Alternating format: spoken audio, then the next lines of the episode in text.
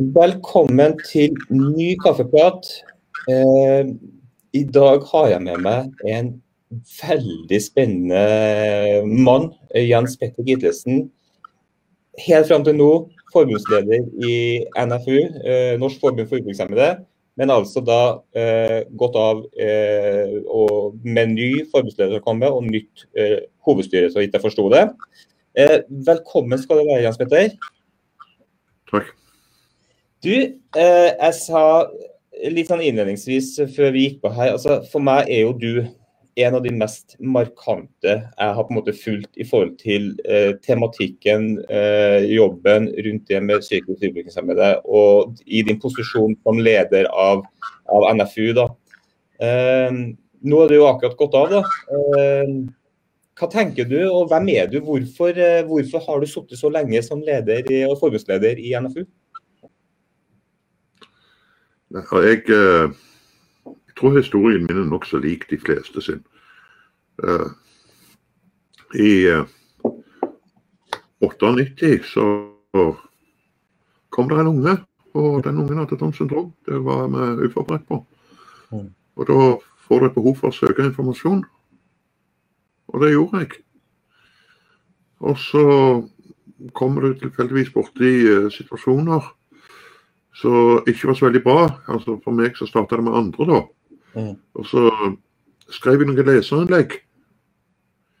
Eh, og da var det ikke lenge før valgkomiteen i NFU var på meg og spurte om jeg var interessert i å komme inn i fylkesstyret. Og så sa jeg ja til det. Og så rulla bare ballen. Mm. Så, så, sånn var det. Og så starter det med at du Det starter med deg sjøl, din baby. Mm. Så så du litt mer på andre. altså Når det er babyer, så er det stort sett greit for de fleste. Du møter ikke så mye altså En baby med Downs syndrom er omtrent som en baby uten Downs syndrom. Mm. Det er først og fremst en baby. Mm. Så kommer det borti de som er litt eldre, som sliter litt mer. Eh, og så er jeg relativt skrivefør. Mm.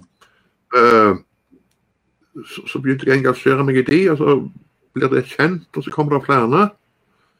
Og jeg husker på eh, Det ble noen skriverier om meg en gang i forbindelse med eh, en eh, offentlig utredning som kom, der jeg hadde tatt til orde og gått litt mot den. Eh, og, og det året kom det over 60 enkeltsaker som jeg skulle bistå i. Og så ser du da at altså fra at fokuset på egen baby, Mm. og, og du lurer på hva, hva syndromet innebærer, hva det bør gjøre og sånn, så, så ser du at det er, så går det mer og mer over på noen sånn politiske strukturer. Mm.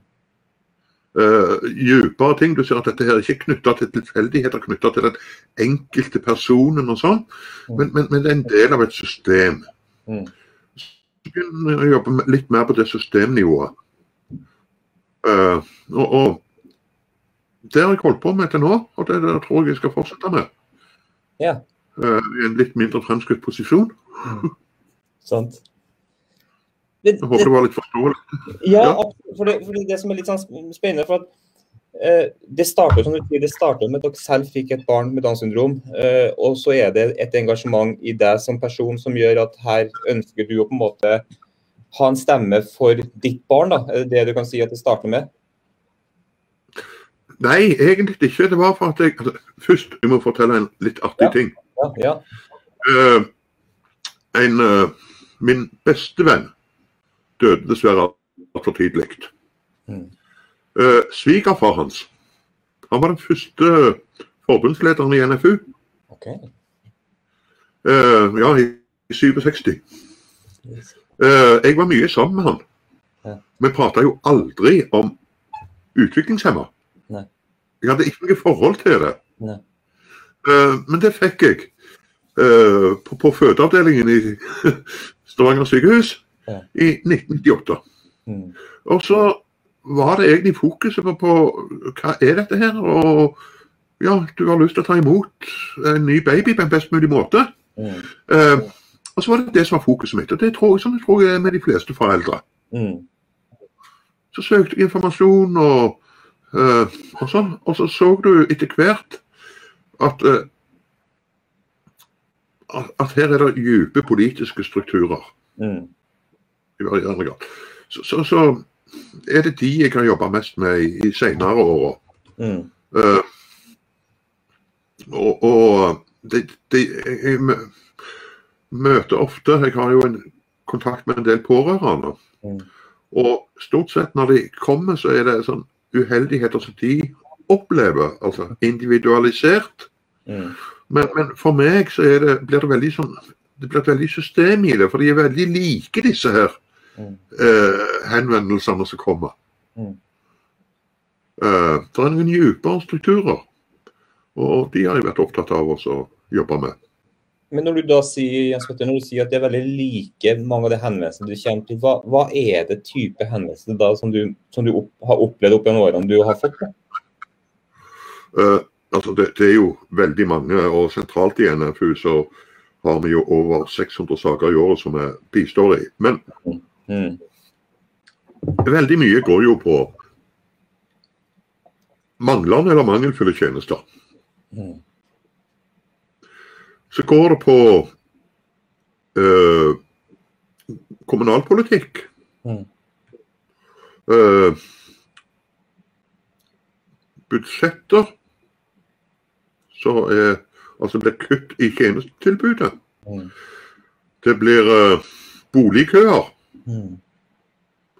Uh, det blir reduksjon eller nedlegging av dagtilbud. Mm. Uh, det blir eh, I senere år har det vært veldig mye med BPA.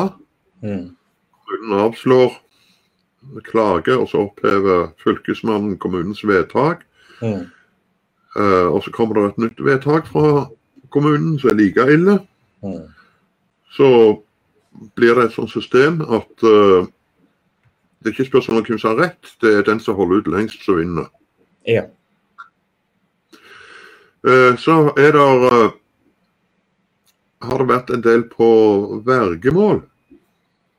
Ja. Eh, svært ofte altså foreldre som står på, Mm. blir ofte regnet som problematiske verger.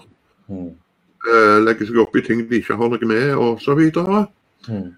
så blir de avsatt, klager kommunen på dem, og så blir de avsatt som uh, verge. Og så kommer det inn en profesjonell verge som ikke kjenner dem. Mm. Eh, det er to eh, to typer av klager som går, går veldig mye igjen. Mm. Men, men det er andre òg grove saker. Men eh, heldigvis ikke så veldig mye av de. Det er mer hverdagssituasjonene veldig mange foreldre står oppe da, du tenker som du ser for det, nå har jeg jo Før jeg prata med deg, så har jeg jo hatt en del eh, sendinger med både foreldre og selvfølgelig fagpersoner. og De foreldrene jeg snakker med og Jeg har jo vært litt sånn i din situasjon og jeg har fått veldig mye henvendelser de seks årene jeg har jobba med Milas S. Så får jeg mye saker fra foreldrene som er veldig frustrerte. Og da har jeg alltid stilt spørsmålet er det avhengig av hvor du bor i Norge i forhold til hva du kan få, eller er det menneskene som sitter på den andre sida av bordet, uavhengig av hvor du bor? Nei, altså Det er jo veldig avhengig av, av eh, hvor du bor. Mm. Uh, uh, men så er det jo heller ikke uavhengig av menneskene. Nei. Eh, problemet er at eh, altså, du har noen budsjettrammer, Mm. Uh, og, og, de må følges sånn noenlunde. Uh, og, og de budsjettrammene vil være veldig avhengig av hvor du bor. Men så har man uh, i, på større steder, som skal ikke være så veldig store, så begynner man å få administrative systemer. Mm. Og da blir det også, blir de systemene der veldig avgjørende for hva du får, for hva du prioriteres. Hva som Mm. prioriteres. Mm. Uh, det er veldig vanskelig å utpeke en kommune som best. Mm. Veldig avhengig av hva du ser på. Mm. Felter du ser på. Mm. Uh, jeg kan nevne jeg hadde, For en del år siden så hadde jeg veldig mange uheldige erfaringer med Oslo. Mm. Mye tvangsflytting og denne her outsourcinga. Mm. Eh, etter et par år så mista de konsesjonen, eller anbudet. Mm. Uh, og så måtte du flytte, og så fikk du nye tjenesteytere og sånn. Mm. Så sto jeg og prata om uh, hvor, hvor fælt det var i Oslo. Mm. Uh, og etter meg så kom det en far fra Oslo, og han kom med rene solskinnshistorien. Mm. Så, så, så det å skåre den absolutt beste, Mm. det jeg tror jeg er litt vanskelig. Mm. Men jeg tror at en fordel er litt mindre kommuner. Mm. Det er at det er Altså, administra... Det er, kan være lettere å få den menneskelige forståelsen Ja. inn i relasjonene. Altså, du En drepes ikke av administrative systemer. Nei. Nei, jeg ser det. Eh, Men igjen da, med små kommuner. Jeg kommer fra en liten kommune utenfor Bergen. Og, og jeg må jo si at fordelen er som du sier, at vi kan, vet hvilken dør vi skal banke på. Men ulempen eller faren er at du fort kan brenne deg ut i en liten kommune fordi det er så transparent og lite, og alle kjenner alle. sant? Så du skal ikke ha for mye kamper før du på en måte blir et problem veldig synlig, tenker jeg. Ja, altså Bygdatrollet trives Ja. best i små kommuner. Og når alle kjenner alle, så vil òg alle forsvare hverandre. Mm. Så, så det trenger ikke uh, alltid være bedre. Men disse her Hvis du unngår det, så kan det fungere veldig bra i små kommuner. Mm. Men jeg, jeg tror ikke at en skal jeg tror ikke en skal drive og gi sånn terningkast på dem. For det er òg så mangedimensjonalt, dette her. Mm. Det tenker jeg helt Eh, Det tenker jeg er riktig. og det er jo, jeg tenker at det er veldig mye avhengig av, av menneskene som du møter også. da, og det er jo, Nå har jeg, nå har jeg hatt mye sendinger med vernepleiere, og gud bedre, der er det mye flinke, engasjerte mennesker som jobber hardt altså, for, for brukerne og for barna og for familiene. Altså, men eh, jeg er enig, du skal ikke gi terningkast, men, men eh, du har jo vært som jeg sa markant i bl.a. media. Eh, Du har vært flink til jeg synes du har vært veldig flink til å, å det som jeg er opptatt av, å synliggjøre caser på caser på hvor det er problem uavhengig av kommuner, men at her er en case, her er en case, det må gjøres noe med. Eh, Du har vært en sånn jeg vil si du har vært en sånn vaktbikkje, og det, det, det er jo det jeg savner litt. da. Eh, Hva, hva har hva, hva, hva, føler du at du sitter igjen med etter de tolv årene i FU som det viktigste du har på en måte eh, fått gjennom, eller dere da, i den perioden?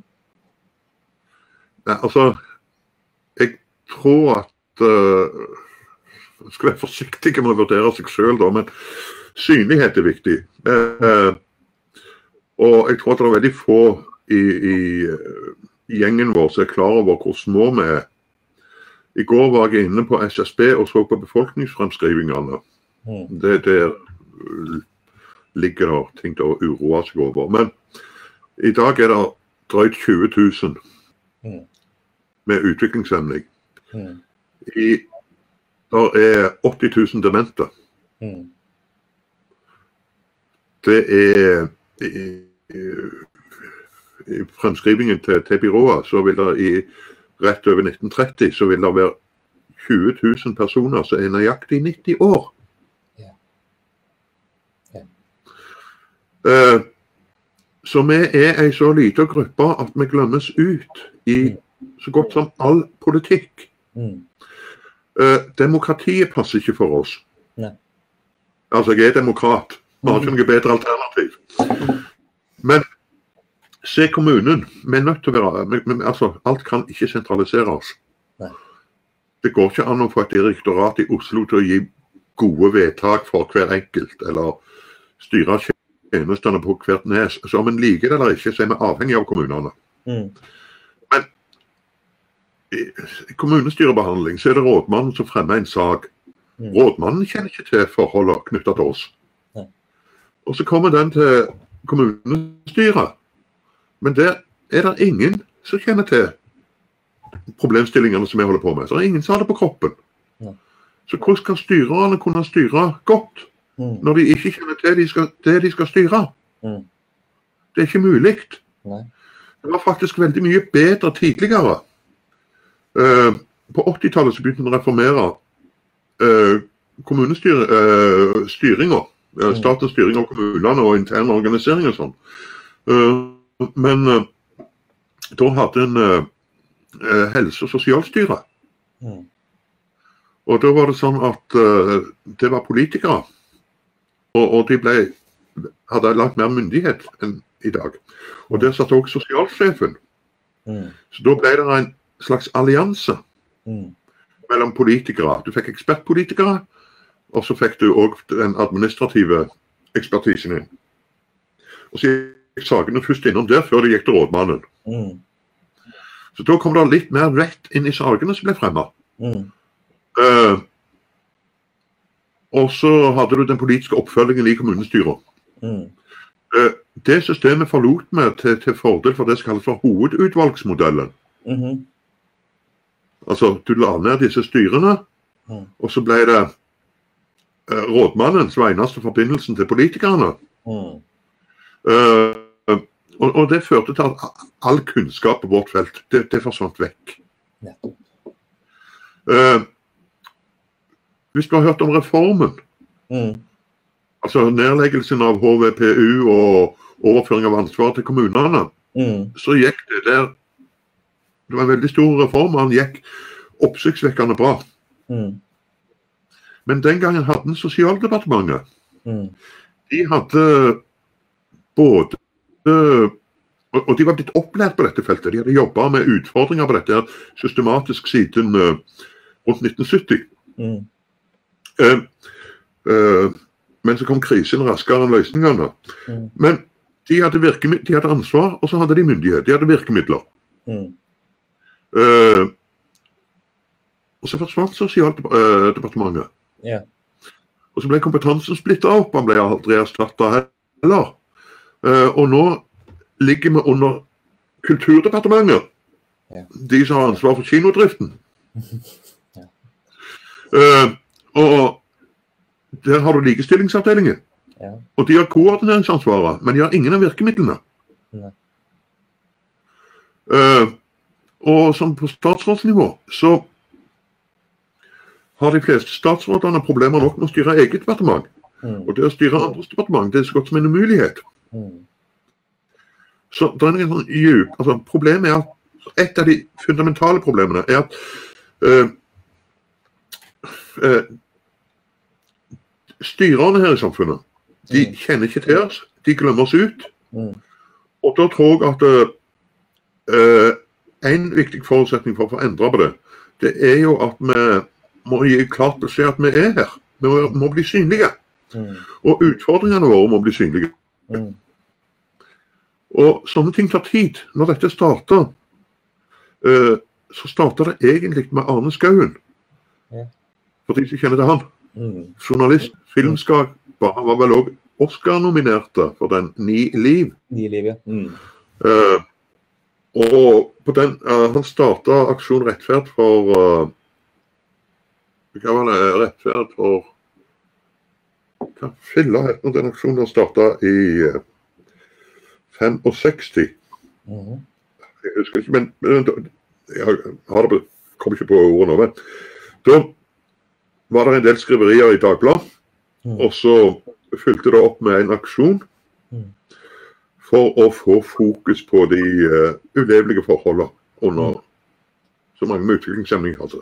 Ja. Og i 67 Mm. Så førte det eh, Så barnet Det var som foreldregrupper på sentralinstitusjonene. Mm. Så inviterte han de til et møte på Emma Hjort. Og det ble stiftelsen av NFU. Nettopp. Eh, og det første kravet NFU kom med, det var også politisk. Det var at uh, utviklingshemmede òg skulle hjemles i grunnskoleloven. Vi hadde ikke en lovmessig rett til Nei. utdanning. Nei. Eh, og så kjørte han opp uh, uakseptable forhold. I eh, 72 så nedsatte de et utvalg for Lofsius-utvalget, Lofsius 1, for å få rette opp i situasjonen. Det førte til at myndighetene forsøkte å ta grep. Vi fikk fire departementsrundskriver. Men så fortsatte uh, media å skrive om disse her uh, uakseptable sidene. Mm. Vi, vi var i fokus. Mm. Og det førte til at de, på 80-tallet nedsatte de et nytt utvalg, det var Lossius 2. Mm. Og når de kom med sin innstilling, så var Sosialdepartementet blitt såpass godt opplært og hadde fått såpass mye kompetanse på feltet at de evna å ta det videre. Mm. Det er ikke vond, dum, uh, ondskap som driver dette her systemet, men det er manglende forståelse Mm. og innsikt. Mm. Ja, for Det kan, er du kan jo ikke forvente Ja. du kan ikke forvente at Selvfølgelig kan du ikke forvente, som du sier, i forhold til rådmann, i forhold til de som sitter i departementene, at de har, de har ikke personlige opplevelser nødvendigvis av det som jeg og du og mange andre sitter med. Men det er jo som du sier, da handler det jo om å få den kunnskapen vi sitter med, ut til de som skal på en måte fatte vedtak eller fatte bestemmelser og legge til rette. ikke sant? Ja. Det er jo fascinerende at eh, omsorg da ligger under eh, kultur og likestilling. Altså, hva tenker du? Det, det, det, det er jo et spørsmål jeg har stilt i media, eller ikke bare stilt, jeg har sagt det burde vært eh, en egen altså Vi har jo likestillingsombud. ikke sant? Hvorfor har vi ikke et, et ombuds, en ombudsmann på lik linje som like- likestillingsombudet, barnevern, barnevernsombudet, barneombudet, eh, også for psykisk utviklingshemmede, som har det som hovedfelt? Hva tenker du om det? For det første så tror jeg at det er bedre å styrke de ombudene vi har. Eh, men, men ombudene er òg nokså vingeklippa. Mm. Uh, se på altså Hanne Bjurstrøm har uh, jobba godt på vårt felt. Mm. Men uh, kommunene gjør jo blaffen, Line. De kjører på som før. Eh, så jeg tror at det må mer strukturelle ting til. Mm. Uh, og Ja, altså Hvis du Hvis folk er interessert i eh, de dypere linjene i hvordan staten ble til, Mm. så vil jeg anbefale å lese Anne Lise Sveip. Mm. Uh, hun er historiker, hun er mange og 90 år, Mm. lever ennå. Men jeg har skrevet veldig mye om velferdsstatens oppbygning. Og hvis dere ser det, så vil dere se at vi var de siste som havna på det toget. Mm. Vi kom egentlig inn i fattiglovene. Mm. De første som havna på det toget, Mm. de havna under trygdelovgivninga. Mm. Folketrygden. Mm. Der har vi òg noe sånn med hjelpemidler og sånn noe. Men det som kjennetegner det, det er sterke, sterk grad av rettssikkerhet Mm. og overslagsbevilgninger. Mm. En hører, ikke, hører aldri om folk som ikke fikk trygda si pga. at uh, det var ikke mer penger igjen på budsjettet. Uh, så var det det siste som skjedde i Stora på den, i den forbindelsen. Det var fattiglovene. Som ble til lov om forsorg etter krigen. Mm. Og så ble det lov om sosialhjelp i eh, 64, og så kom tjenestene inn i 91 med sosialtjenesteloven. Mm. Og det bar med seg eh, arven fra fattiglovene, altså de uverdig trengende. Mm. Det var det lav rettssikkerhet. Og så var det desentralisert. Og sånn har vi det i dag. Det er helse- og omsorgstjenesteloven. Mm. Eh, og kommunen den har to store sektorer. Mm. Det ene er barnehage, altså opplæringssektoren. Men den største det er helse og sosial. Mm. Eh, selvfølgelig har kommunen problemer med budsjetter. Mm. Hvis du da skal kutte, så må du kutte der det er penger. Og det er i disse her to sektorene. Mm. Over 70% av de kommunale utgiftene ligger i de to sektorene der. Går du på skole, så er så godt som alt, eh, alle kostnadsdriverne, er, er fastsatt gjennom lov og forskrift. Ja. Så der er det ikke så mye å kutte. Ja, du kan kutte litt på spesialundervisningen, for der kommer det skjønnsmessige vurderinger inn. Mm. Men skal du kutte, så må du først og fremst gå på vår sektor. Omsorgssektoren. Mm. Det er der det er kommunalt rom for å kutte. Mm. Så jeg har mye mer tro på å få bygge opp disse strukturene, sånn at de tvinges mer tilbake sånn som vi hadde det fram til 90-tallet, sånn som jeg nevnte innledningsvis, med sosialstyret. Mm. Uh, I kommunene så er det et stort problem at eneste gangen de systematisk diskuterer tjenestene til utviklingshemming, ø- det er i budsjettdebatten. Og da er de faktisk ikke klar over at de diskuterer tjenestene til utviklingshemmede. Eh, så, så, og det samme gjelder storting og regjering. Mm. Uh, så å bygge inn sånne strukturer det funka langt bedre når man hadde Sosialdepartementet enn hva det eh, gjør i dag. Mm. Så lenge du hadde Sosialdepartementet, så gikk det rett vei. Mm.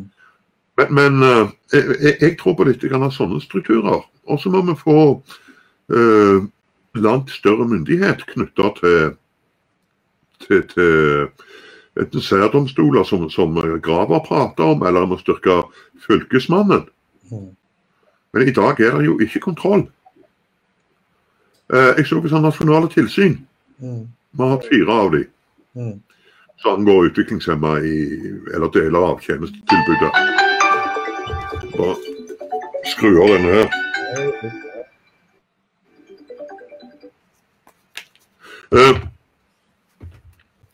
Vi har hatt fire tilsyn Mm. i dette århundret. Nasjonale.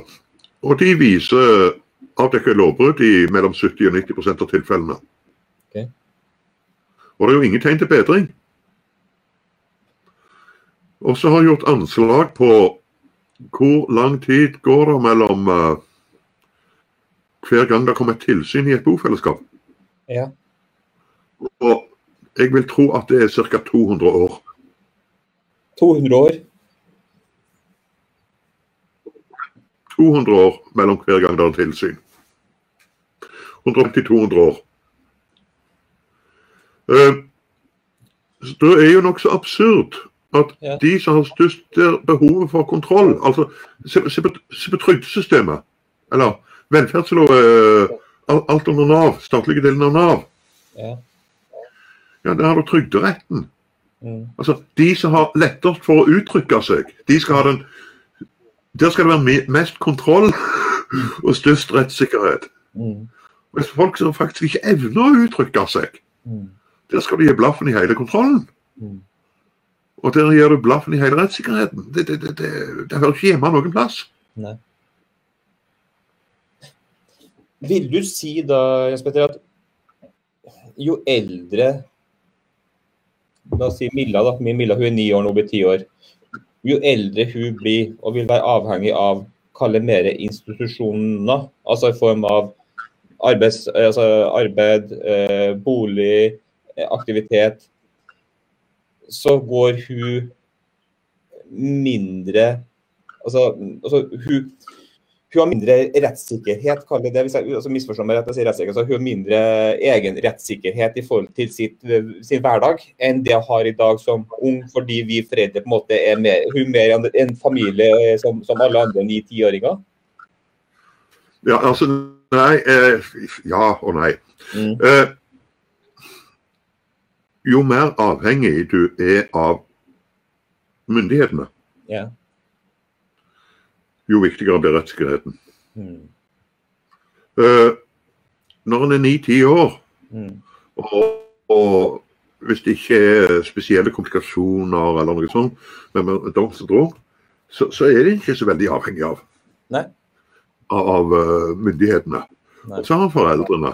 Mm. Uh, men så, så flytter en ut i egen leilighet. Mm. En mister foreldrene. Ja. Eh, har gjerne ikke søsken til å følge opp. Altså, det blir mye mer tjenester. Det blir mye mer eh, myndigheten skal komme inn i livet ditt. Mm. Eh, og kombinert med det, så kan det òg bli færre som taler din sak. Mm. Og da kan det være veldig ille. Ja. Men, men altså, dette er ikke for å skremme folk. Nei, Det nei, er, jo, altså, det er jo veldig mange som har det kjempebra. Ja. Det er bare det at andelen som ikke har det bra, Mm. er for høy. Ja, og det er det som du sier. Altså det, selvfølgelig er det her altså det, er, det er de som har det kjempefint, og det, er, det fungerer bra for veldig mange. men det, altså, For det her jeg snakka om tidligere i sendinga med andre. og det er jo det at Selvfølgelig skal vi snakke om solskinnshistoriene, men vi må jo ikke være så opptatt av solskinnshistoriene at ikke vi tør å snakke om der det faktisk ikke er solskinnshistorier. Og, og, og jeg føler jo av og til at det, det, det, blant oss foreldre som har barn med psykisk utviklingshemming, så er vi så redd for å si at ting ikke fungerer fordi vi er så redd for å skal virke sutrete, eller, eller vi får høre av andre at ja, men nå må vi snakke om solskinnshistorien, hvis ikke så svartmaler vi det å ha barn med psykisk utviklingshemming. ikke sant? Men det er jo kjempeviktig. Ja, altså hvis man skal få folk til å gjøre noe med det, Ja. altså, så tror jeg ikke at solskinnshistoriene er, er, er, er grunnlaget for de store endringene. Uh, og jeg, jeg ser, jeg, altså Det er noen grupper av funksjonshemmede som jeg ser uh, kan ha det vel så stritt som oss. Mm. Men, men det er veldig få grupper som utsettes for såpass mye tombola Mm. så, så, så mennesker med utviklingshemming. Og så er det det at den risikoen den tiltar jo mer avhengig av andre du blir. Det, et sånn moralsk prinsipp burde jo vært at det var motsatt. Mm. De mest ressurssterke trenger minst rettssikkerhet. Mm. Og som rettssikkerheten blir større og større, Mm. dess, eh, dess eh, mindre evne du har til å, å ordne opp sjøl, og dess mer avhengig av offentligheten du er. Mm. Når jeg har deg først her nå, og jeg må jo si at jeg har fulgt deg i mange år, og, og nå har vi nettopp vært gjennom en debatt på Stortinget eh, der det var snakk om å få eh, menneskerettighetene inn i norske loven, altså CDPR-vedtaket, som ble nedstemt. Eller Ja. Nedstemt eller utsatt, eller hvordan du vil tolke det, selvfølgelig. Men altså, det er jo mange som sier vi er nærmere enn noen gang, og det tror jeg jo, det er jeg jo enig i. Men eh, hva, nysgjerrig, hva tenker du, hva tror du grunnen til at det her er så vanskelig for politikere å si selvfølgelig skal det inn på samme måte som for barn og eh, rasisme og kvinner, altså kjønn og den biten der. Altså, hva, hva tror du er grunnen til det? Eh, når det gjelder Frp, Mm, så har de systematisk vært mot en overnasjonal styring. mm, Så, så der henger det nok på, på, på, på den knaggen. mm, Jeg tror at Høyre vil komme, komme til å snu mm. når de kommer i opposisjon. Ja. Jeg håper i hvert fall det. Mm, Eh, jeg har en mistanke om at de gjerne er litt grann som eh, personforklaringer som må til. Eh, jeg hadde jo med en god del Høyre-representanter når de var i opposisjon. mm, Da var de jo langt mer vennlig innstilt. Ja. Så sånn som jeg ser det, så vil det sannsynligvis bli et regjeringsskifte. mm, Akkurat hva det kommer til å ende opp med, Mm. det vet vi ikke. Men, men vi kan være nokså sikre på at det er et regjeringsskifte. mm, Og nå vet vi at uh, det er et kraftig flertall i Stortinget for uh, inkorporering av eh, CRBD i norsk lov. mm, Og da vil det være veldig flaut for de. Altså Venstre og Kristelig Folkeparti hadde problemer med å stemme for mot sin egen regjering. De kunne gjort det, men, men de følte belastningen ville være for stor. Uh, jeg vet at spesielt Venstre de, de ringte meg mye og beklagte dette her og sånn. Men, men de vil stemme for det neste gang, det er jeg sikker på. mm, Uh, jeg tror òg Høyre vil komme etter når de kommer i opposisjon. mm. Så jeg regner med at dette uh, CRPD kommer til å bli inkorporert i norsk lov i løpet av 2021. Uh, ja, og så tror jeg at Høyre vil endre oppfatning når, når de kommer i opposisjon. Men husk på at det, det er ingen enkel måte å løse dette på. Nei. Eh, altså En lov det er jo bare ord på et papir. Det betyr jo ingenting i seg selv. Nei. Så du må bygge opp noe rundt lovene. Mm, Eh, og så har vi de som ikke ser lovene, det er jo i svært stor grad uh, domstolene. mm, Ja ja, statlig forvaltning òg med relativt få saker for domstolene. Men, men det er ikke de mest progressive greiene det. Og så skal de fortolke CRPD, mm, og det er det store tolkningsrom. mm, Så, så det vil jo ta tid. mm, Altså Ta parallellen med, med, med, med kjønnsdiskriminering. mm. Eller den, den forsvant ikke, ikke pga. at vi, vi inkorporerte kvinnekonvensjonen. Nei. Men, men det en, en, da har vi enda en knagg Mm, å henge ting på. mm, Uh, så, så men, men kort oppsummert. Mm. I løpet av 2021, nei, 2022, mener jeg. Mm. Så regner jeg med at det er Stortinget har vedtatt å inkorporere CRPD. Og så må jobb, eh, jobben begynne med å, å, å, eh, så må vi begynne å jobbe med, med forståelsen av CRPD. Mm. Og, og, og ikke minst eh, hvordan forholde seg til når det kommer caser. For det, som du sier, det, det, altså, det har jo ikke noen betydning hvis de som fortsatt, fortsatt skal sitte og håndheve at reglementet, at menneskerettighetene, at hverdagen er som den skal, bør være. Det hjelper ikke å ha en lov som du sier, hvis, hvis de fortsatt ikke gjør jobben. Annet enn at du kan ta dem med til en, en internasjonal domstol. da. Er ikke det forslaget riktig da? Eh, nei, men det er heller ikke eh, Vi har ikke domstoler på feltet. Nei. Det er ingen Altså eh, Hvis du ser på EMK, europeiske menneske, menneskerettighetskonvensjonen, Mm. der er det en uh, domstol. Mm. Så de fleste landene, eller i hvert fall mer vestlige land, har, har valgt å følge. Mm. Men uh, du har ikke noe sånn internasjonalt uh, maktapparat. Nei. Så du har heller ikke noe sånn Det blir landene som velger å følge dem. Mm. Når det gjelder FN-konvensjonene, Mm. så er det sånn at det er en komité som etterser, eh, etterser eh, statenes etterlevelse av, av eh, konvensjonen. Mm. Og skal komme med sine, sin forståelse av det. Mm. Eh, det er ikke en domstol, men det veier nokså mye. Og der er det òg en, en tilleggsprotokoll Mm. som åpner for at den komiteen kan behandle individklager. Mm. Det, den uh, tilleggsprotokollen har ikke Norge ratifisert. Så det er nok noe som vi vi vil begynne å prate om når, når uh, uh, CRPD er blitt inkorporert. Mm. Sverige har, uh, har uh, ratifisert tilleggsprotokollen, og der har det vært noen individklager. Mm. Men det er ikke en domstol, det er en fortolkning av hvordan lovverket skal være. Eh, konvensjonen skal forstås. Nettopp. Bare når vi er inne på politiske strukturene, altså, det er jo en sak jeg ikke helt klarer å legge fra meg da, i forbindelse med den debatten vi har på Stortinget nå i, i forhold til CRPD. Du har to partier som har vært ganske tydelige før på viktigheten av menneskerettighetene og for, for psykisk utviklingshemmede. og som Ett parti har jo fronta veldig eh, menneskeverdet sant, i KrF. Så sitter de i posisjon.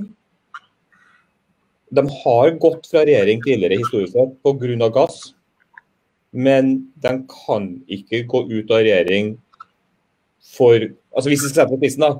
For viktigste kampsaken deres eh, utad. Menneskeverdet for bl.a. barn og unge og voksne med psykisk utviklingshemming.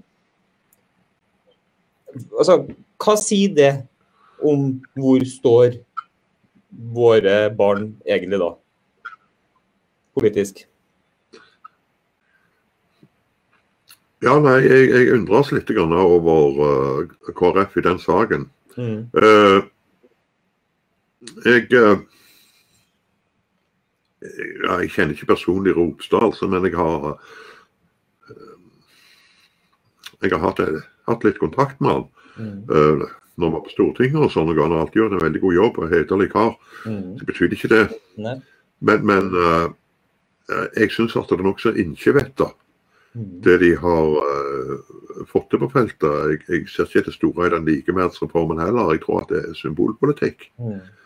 Uh, jeg tror at de kunne lagt Jeg ble forundra med CRPD, at det ikke var de som pressa Høyre. Mm. Eh, for, for de har Jeg tror nok de kunne ha spilt Jeg tror de hadde sterkere kort på hånd. Mm. Uh, og, og for Ropstad så burde jo òg dette her vært veldig viktig. Mm. Uh, regjeringsvalget, det var jo det som var retningsvalget i KrF. Mm. Og det sto jo veldig nært opp til oss. Den skulle uh, eh, Det som ble fronta i retningsvalget. Mm. Så jeg forstår det ikke helt. Men, men så har du det òg at politikk det er ikke logikk. Nei. Det er et spill som ingen kan. Uh, der spillereglene er ukjente, og uh, brikkene er for mange til at en skal ha oversikt over dem. Mm.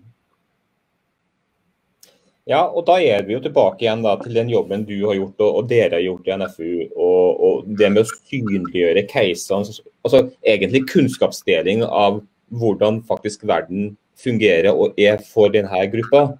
Eh, og dere har vært flinke til å bruke media. Eh, så tenker jeg, hvor, altså, hvem er det NFU hvem er det de favner over? Altså, vil, altså, er det alle typer psykisk utviklingshemmede, eller er det, er det, noen grupper som er mer på en måte deres uh, frontfelt, eller er det, altså, det alle under, alle under én? Ja, altså, vi, skal jo dekke feltet utviklingshemming. Mm. Uh, men jeg har inntrykk av at når det gjelder en del i grenseområder, lett utviklingshemming utviklingshemming kan lett bli et belasta begrep. Mm. Uh, jeg vet ikke om det er bare ordet, mm. men, men uh, det er nok en del som ikke har interesse av å bli identifisert med det. Mm. Uh, og i de gruppene med, med lett grensetilfeller og sånn, der har jeg i mitt inntrykk mm. at vi er relativt dårlig representert. Mm. statistisk sett skal jo det være den største gruppa. Det opplever jeg ikke at det er. Nei. Men utover det så så, så uh, dekker vi nokså bredt. Ja. Uh, så er det alt ja, nei, det er egentlig lite misnøye og sånn, men det varierer. altså vi, vi, jobber veldig lite med diagnoser. Mm. Uh, altså Vi jobber med markering, men det er jo det synlige. Mm. Uh, men så jobber vi òg med viktige deler. altså Nå prater jeg om NFU sentralt. Mm. Så jobber vi med politisk arbeid. Mm. Og altså det synligheten er jo bare én ting. Mm. Det kan være viktig for å få saker på dagsordenen, det kan være viktig for bevisstgjøring og sånn noe. Mm. Uh, og da trenger du gjerne litt store bokstaver. Vekke litt oppsikt. Mm. Bør ikke prate med innestemme. Men hvis du skal få med deg politikere, så får du ikke de med deg med å kjefte på dem. Nei. Da må du gi dem gode løsninger. Mm. Uh, og da er, er, det dialog og helt andre tilnærminger. Og det er heller ikke så synlig. Uh, og så har vi juridisk bistand. Uh, jeg sa vi har noen jurister ansatt. Og de bistår jo folk. Og det går jo heller ikke etter type utviklingshemming, men det går etter, et, et, et, lover og rettigheter. og Der er det stort sett ingen som er knytta til veldig få som er knyttet til utviklingshemming, og ingen er knytta til diagnose. Ja. ja, så har jeg en liten bit på, på internasjonalt arbeid. Uh, og, og, det går ofte sammen med andre funksjonshemmede organisasjoner. Uh, men, det, men det er jo NFU sentralt. Kommer du lokalt, så vil det være langt større variasjon. Mm. Og Der kommer òg dette her med sosiale aktiviteter inn. Uh, det finnes ikke i noen av lokallagene. Andre driver ikke annet. Så det er det veldig stor variasjon. Mm. mm. Men jeg bare tenkte, de, de årene jeg har hatt uh, uh, Milla, så har jeg engasjert meg. Og jeg har jo engasjert meg veldig i Downs syndrom. da. Jeg har vært litt, kanskje kalt det litt spesifikt, for det, det er det jeg har hatt kapasitet til. Og så har jeg jo starta Milla C, som har hatt fokus på språket til Milla som tegn til tale. Og så har jeg kommet i kontakt med veldig mange andre uh, aspekter innenfor psykisk utviklingshemming. Men jeg har liksom savna en, en, enhetlig I hvert fall utad, da, for oss som sitter på utsida.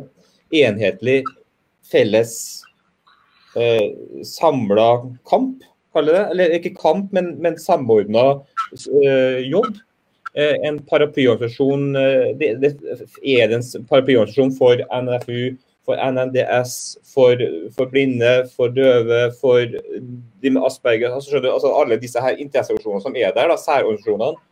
Er det en samla jobb der? Sitter dere rundt det store bordet og jobber samla? Nei. Eh, sånn som NFU jobber godt gjennom SAFO. Ja. Der er vi sammen med, med Foreningen Norges døvblinde og, og uh, Norges Handikapforbund. Ja. Uh, jeg har vært leder der en rekke ganger òg. Og jobber med FFO, unge funksjonshemma. Mm. Uh, når det kommer på, på andre foreninger så er det, det er problematisk. Mm. Eh, jeg var med og grunnla Ups and Downs i Rogaland, og da var det ikke noe aktivitet for uh, unger med Downs syndrom i NFU. Jeg visste ikke hva NFU var. Eh, sånn er det stort sett over det ganske land. Mm. Det du veldig ofte får, hvis du tar fra NFUs side Autismeforeningen var før ute. Men, men eh, så kom vi. Mm. Eh, eller så kom NFU. Og så eh, kommer det inn noen eh, ofte unge og, og driver foreninger, og så blir de flinkere og flinkere, og så blir de gjerne litt sånn venner etter hvert. Og så slutter de på likt, og så blir det tomt. Ja. Eh, og sånn skjer i alle foreninger. Mm. For ingen er store nok til å holde kontinuerlig drift over tid. Mm. Eh, og så oppdager noen at her er det tomt, og så starter de en ny forening. Mm. Så nå er det rundt 40-50 foreninger for utviklingshemma. Mm. Eh, men så er alle såpass små at uh, de ikke har noe videre innflytelse. Nei, nettopp. Og så de, de problemene som NFU opplever med, med manglende kontinuitet og sånn, de eh, opplever altså Jo mindre foreningen er, Mm. jo, jo mer eh, eksponert for den type diskontinuitet er de. Mm. Men, men eh, det, det har vi lagt igjen for. Jeg kan nevne altså FO, fagorganisasjonen. Eh, de er jo òg utsatt for det, og de er rundt 20 000 medlemmer, tror jeg. Så, så vi er ei lita gruppe, og vi er inni hampen oppsplitta. og ja, organisasjonskulturen er heller ikke det beste. Men, men det å samle dette her, det vil være mer enn krevende, tror jeg. Og så har du òg at mange av organisasjonene er ikke knytta til utviklingshemming. Nei. Ja, ta HBF. Mm. Der er mange som har utviklingshemming, men ikke alle. Nei. Autismeforeningen, Mm. de er rundt 3500. Mm. Ja, der er det et stort innslag av, av, av eh, ja, Asperger og litt sånn høyreordens uh, funksjons... Mm. funksjonsforstyrrelser og sånn. Mm. Eh, CP-foreningen, Mm. Mm. der er det nok veldig mange med, med utvikling. Det er en stor forening. Mm. Veldig mange med utviklingshemning, men slett ikke alle. Nei. Nei. Uh, så, så dette her er, et, er egentlig et virvar. Uh, jeg tror at uh, det er vanskelig å få til et sånn samla fremstøt for å få samla dem. Hvorfor kan ikke flere være under Stafo, da? NNDS, for eksempel. Ja. NNDS er vel ikke under Stafo ennå? Nei. Nei men altså, det, sånn som Stafo er organisert, Mm. så tror jeg ikke at det ville vært uh, noe videre gunstig. altså. For SAFO bygger på SAFO bygger på, på, på, på eh, konsensusprinsippet. Mm. Og for SAFOs del så ville jeg trodd at det, det mest gunstige der det hadde vært å få til en forening fra psykiatri. Mm. eh, og, og kanskje òg fra, fra syn eller hørsel. Mm. Og dekke de ulike retningene. Mm. Eh, det begrenser, altså Den organisasjonsformen som SAFO har, det er begrensa hvor, hvor store en må ha. Mm. Men det er litt viktig å dekke de ulike funksjonsundersettelsene. Mm. På grunn av at når myndighetene skal jobbe, så er det såpass mange organisasjoner at de har ikke sjanse til å involvere alle. Nei. Så Derfor blir det veldig ofte paraplyene som involveres. Mm. Og Da må du i det minste ha en struktur som tillater det for, for paraplyene. Og så bør paraplyene kunne dekke bredden på funksjonsnedsettelse. Mm. Uh, jeg husker ikke hvor mange foreninger det var, altså, men det, det er veldig mange. Jeg var på årsmøte for en del år siden ble invitert på årsmøte til uh, Hva var det det heter? Ah, jeg husker ikke navnet, navnet nå engang. Men altså uh, I 2007, på Frambu sine sider, der vil du finne rundt 300 diagnoser. Så de fleste av dem medfører utviklingshemning. Mm. Eh, i 2007, da var det uh, uh, Jeg tror det var rundt 2500 kjente genfeil som, kunne, som medførte utviklingshemning. I dag er det sikkert langt høyere. Mm. Uh, samtidig med det største gruppa en har, mm. Ca. 70 det er de som ikke har annen diagnose enn uh, utviklingshemning. Mm. Så her er det virvar. Det er et virvar. Jeg ser jo det. det er klart, altså bare når du, når du, drar fram det som står på Frambu med, med, over 300 ulike diagnoser, sant, så sier det seg sjøl at her er det jo og Det er jo det som jeg har snakka om tidligere med, med, med, med foreldre i, i podkasten. Altså, det eneste som er likt for oss foreldre, da, i f.eks. en forening som NNDS, medlem medlemmer der med barn med Downs syndrom, eneste vi er enige om, det er at vi har et barn med Downs syndrom. Men bortsett fra det, så er vi kulturelt, politisk, eh, idealistisk etc. Eh, økonomisk langt fra hverandre, kanskje. Eh, og så når du da skal begynne å multiplisere det her med ulike diagnoser i tillegg, så er det klart at det er jo ikke enkelt, men det er jo noen saker som går igjen hos veldig veldig mange. Og det er jo det å være foreldre til, et barn med psykisk utviklingshemming. Enten kjent eller ukjent diagnose. Det er jo barnehage, skoleløp, språkutvikling, språk. Det er skole, det er bolig, det er jobb, det er utdanning. Altså, det er jo noen sånne knagger her som er kaller kamper alle på en måte står i, hvis du har et barn med, med, med, en, med en, diagnose eller en psykisk utviklingshemming eh, f.eks. I, I forskjellig grad, selvfølgelig. Men Ja, pluss de 70 som ikke har diagnose. Hæ? Ja, og så har vi de 70% som ikke har noen annen diagnose enn uh, utviklingshemning. Nettopp, sant. Men det er noen knagger, felles knabber, eller felles kampsaker, kaller det da. Og det er bare det som bare Jeg sitter bare og tenker at hvorfor kan For jeg mener jo, som du sier, du blir jo sterkere hvis du har 400 000 medlemmer enn hvis du har 10 000 der, 100 000 der og 50 000 der, og så sitter dere og jobber hver for seg. altså det er noen kampsaker her, og du sier jo selv i forhold til det når du går over i voksenlivet, hvilken utfordring det er. Eh, jeg er jo selv en, en svoger som, som har eh, fragilt X. Eh, så jeg har på en måte fått en innføring i hvordan det er med, med bosituasjoner og boligsituasjoner i Bergen f.eks. Jeg har jobba med Milla CES og vært rundt og sett uh, avlastning, uh, bolig, der det varierer veldig. Og, og, og, det, og, nå spør jeg deg, da, for at du er på en måte for meg den som har sittet i en posisjon lenge og jobba strukturelt, som du sier, jobba politisk, jobba media. Men jeg på en måte sitter med, som også du har gjort da, opp tida, med mange historier fra foreldre. De der daglige kampene fra barnet blir født til barnet går i grav, nesten. ikke sant? Altså, og De kan være store og de kan være små. Og de føler at de ikke vet hvor de skal henvende seg. De vet ikke hvordan de skal gå fram. Eh, de søker om et hjelpemiddel, men de vet ikke hva de skal gjøre hvis de får avslag. Eh, de eh, har en bolig der de føler at barnet ikke får det det skal ha, men de har ikke noe grunnlag til å gå videre. Altså, skjønner du? Det er hverdagskampene kanskje det viktigste, ikke det? Å jobbe med. Jeg, jeg mener jo det. Mm. Ja. Men når en går på dette her organisasjonsplanet, mm. så Når en har fått en organisasjon, så har en det viktigste målet for organisasjonen pleier å være å prøve å overleve. Mm. Uh, prøve å bygge ut, bli større, bli viktigere. Mm. Og Sånn er det for alle. og Du vet jo hvordan det gikk med Tuberkuloseforeningen når tuberkulosen forsvant. Mm. Ja. Da ble det til Foreningen for hjerte- og lungesyke. Ja. Uh, og, og, sånn har du vel her òg. Uh, mm. på, på vårt felt. Uh, det er jo veldig lite her som er diagnosespesifikt.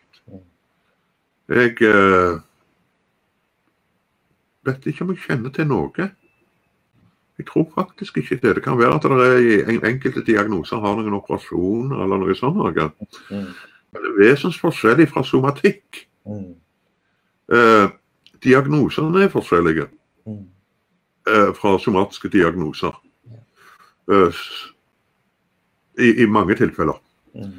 De er langt mer kausale.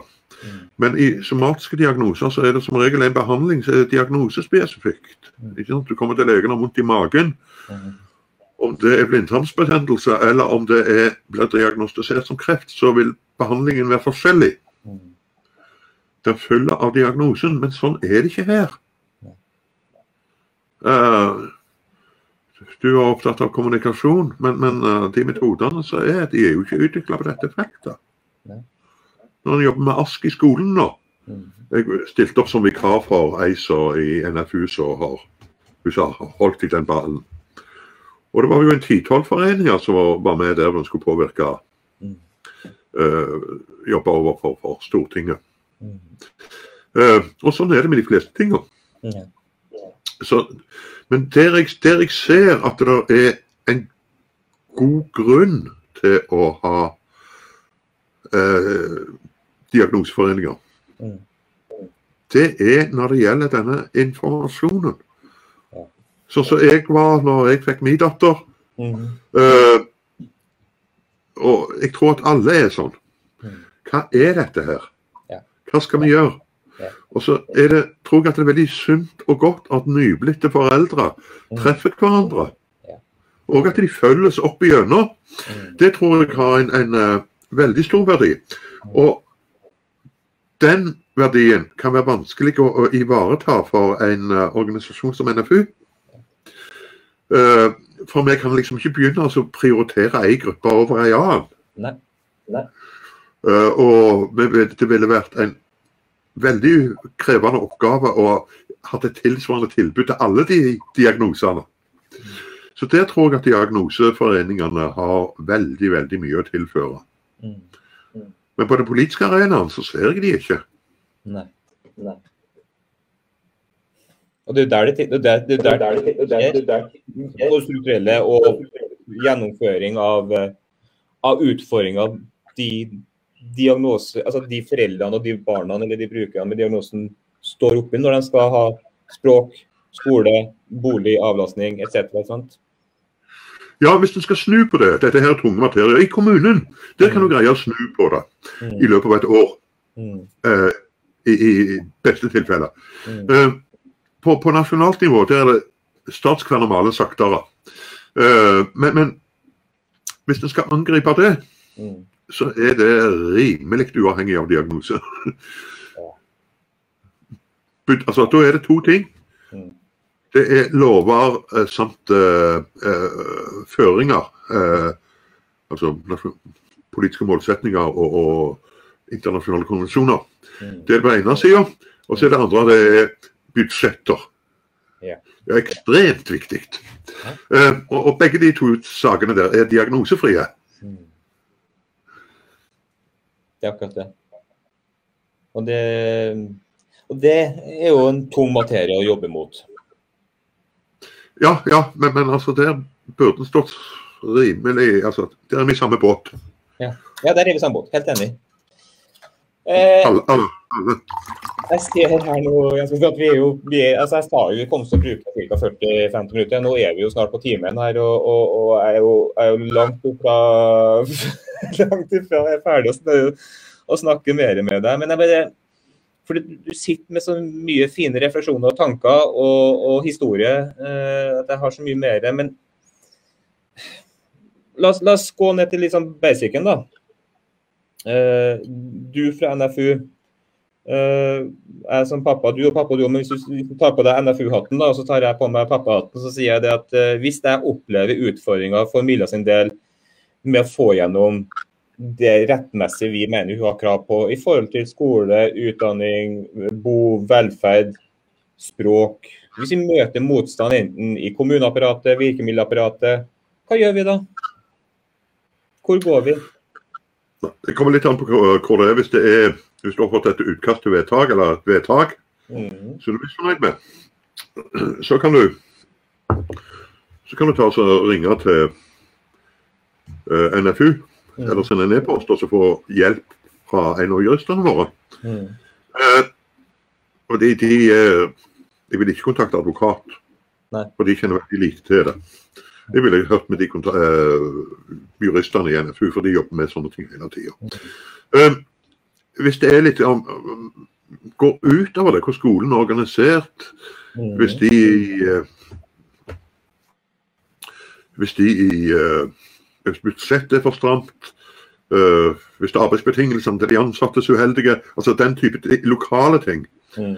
så har en mulighet, hvis det er veldig uansvarlig, hvis du kan være i strid med lovverket, så kan du be fylkesmannen om å foreta tilsyn, eller du kan prate med eh, statsforvalteren heter det nå. Mm. Du kan prate med statsforvalteren. Mm. Uh, hvis ikke så må man prøve å jobbe uh, overfor kommunen lokalt. Mm. Og da er det en kjempe en kjempeutfordring, Mm. som jeg ser. Det at folk begynner for seint. De begynner etter vedtaket er fatta i kommunen. Og politikere, de er som folk flest. eh, det er, altså, før du handler, før du bestemmer deg, Mm. så er du rimelig medgjørlig. Du er åpen for innspill og sånn, men når du har bestemt deg, Mm. da er politikerne verre enn folk flest. For da må de forsvare sitt standpunkt. Så etter vedtaket har kommet, så er det veldig krevende.